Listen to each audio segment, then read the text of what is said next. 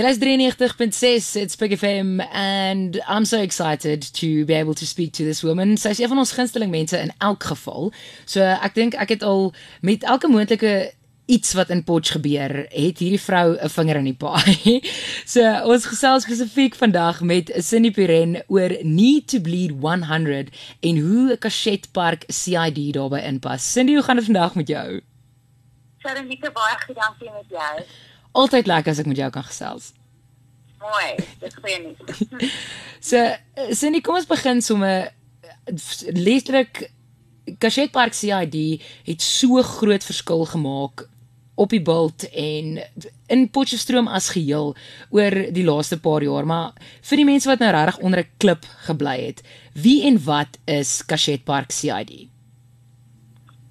Sharonika, Cachet Park CID is in 2018 begin met 'n klomp doelwitte. Ehm um, ek dink van die doelwitte is relevant vir verskillende tye en markte of verskillende gehore. En sien nou ons nou op dit en trots dink ek van as jy wil fokus op die studente en 'n doelwit vir oogmerk van Cachet Park CID wat spesifiek op die studente gemak is, is die beveiliging, die skoonmaking en die mooimaking van die ehm um, afgebakende gebied. Ehm um, so dit gaan 'n bietjie oor bewusmaak, dienslewering natuurlik ook, maar dis meer vir ons, ons residensiële mense alhoewel daar klomp studente op die plek woon, né. Nee. So dit is met ander woorde ehm um, eh uh, vullisverwydering, skoonmaak, gras sny, ehm um, sekuriteit, daar's 24 uur kameras wat wat gemonitor gemonitor word op die bult. Ehm um, dit is en en die effek wat ons sien daarvan oor die afgelope 3 jaar is regtig ongelooflik. Ehm um, ek dink een van ons grootste uitdagings, ek weet ons word eintlik oor oor bloedskenk, maar wat ek gou wil sommer onder die aandag van die studente bring, ons grootste uitdaging is studente se gedrag.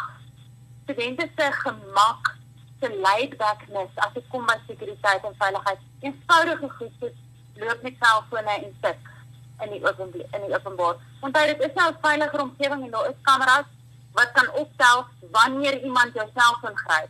Maar dan is jy selfoon gegryp. Dit is ja. trauma. Want jy het jouself blootgestel, né?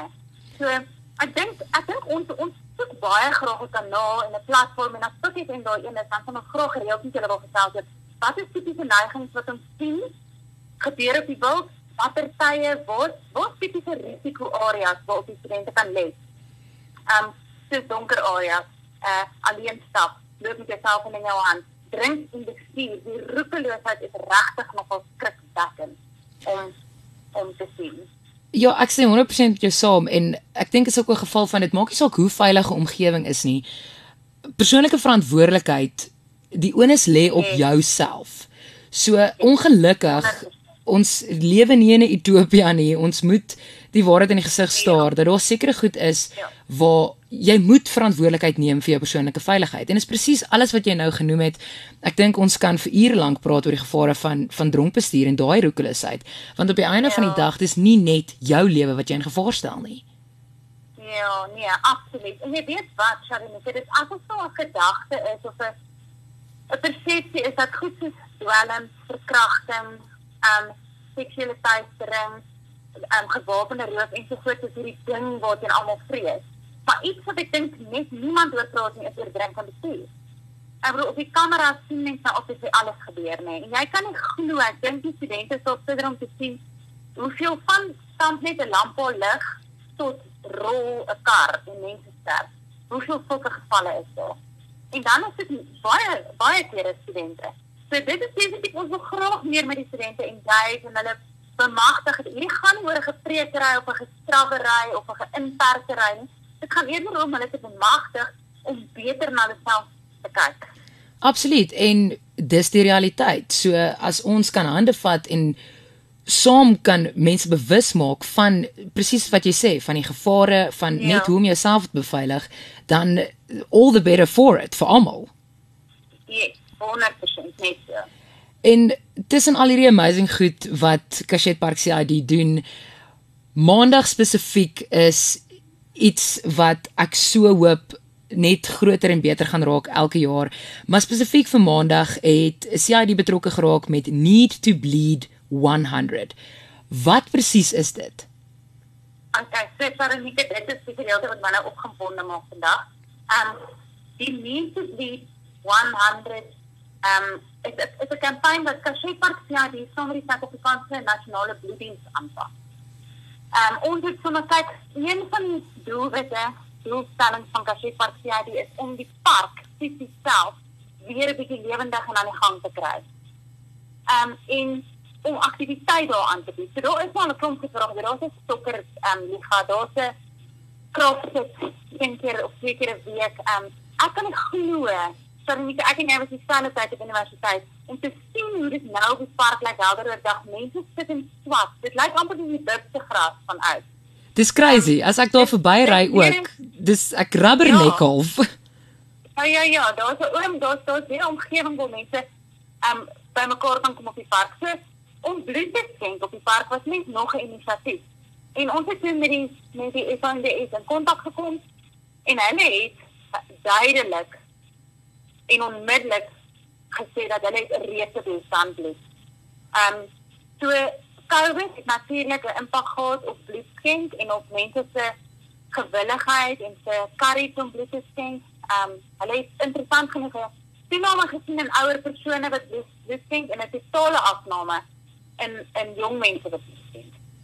So ons het besluit maar kom ons kyk hoeveel hoe kan ons hulle help en, en ons sal graag op 'n gereelde basis wil bloed skenk op die park. En dis nou waar ons gesê dat kom ons staan dit doen dit ons noem dit to bleed 100 want ons wil graag um, maandag 100 eenhede bloed insamel. En ek het dan van gesê 100, regtig.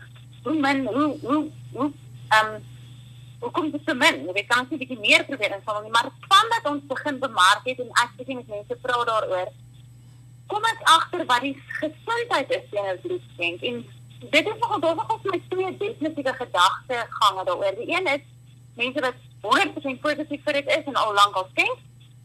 En dan is daar die mense wat eenvoudig net sê ek ek kan nie, ek dank al of ek weeg te min of my bloeddruk is laag of my uh weegte met 'n sekere geldige verskoning neem. ja, daar dan kan jy nou niks doen nie. Daar is kriteria waaraan jy moet voldoen, maar die punt is daar's min draadstoppers. Dit is eintlik waar wat wil uitkom. En ek dink met hierdie tipe kampanjes van ons groot van mense wat dit glad nie oorweeg nie, kry om ten minste net 'n bloedstoor, 'n bloedtipe te kom uitvind.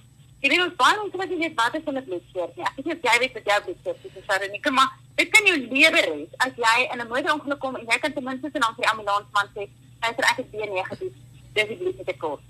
Ek moet vir jou sê ek het uitgevind wat my bloedtipe is toe ek gaan bloed skenk het. Ja, ek wou net gaan sê dis die kwaier, dis wonderlik om te hoor.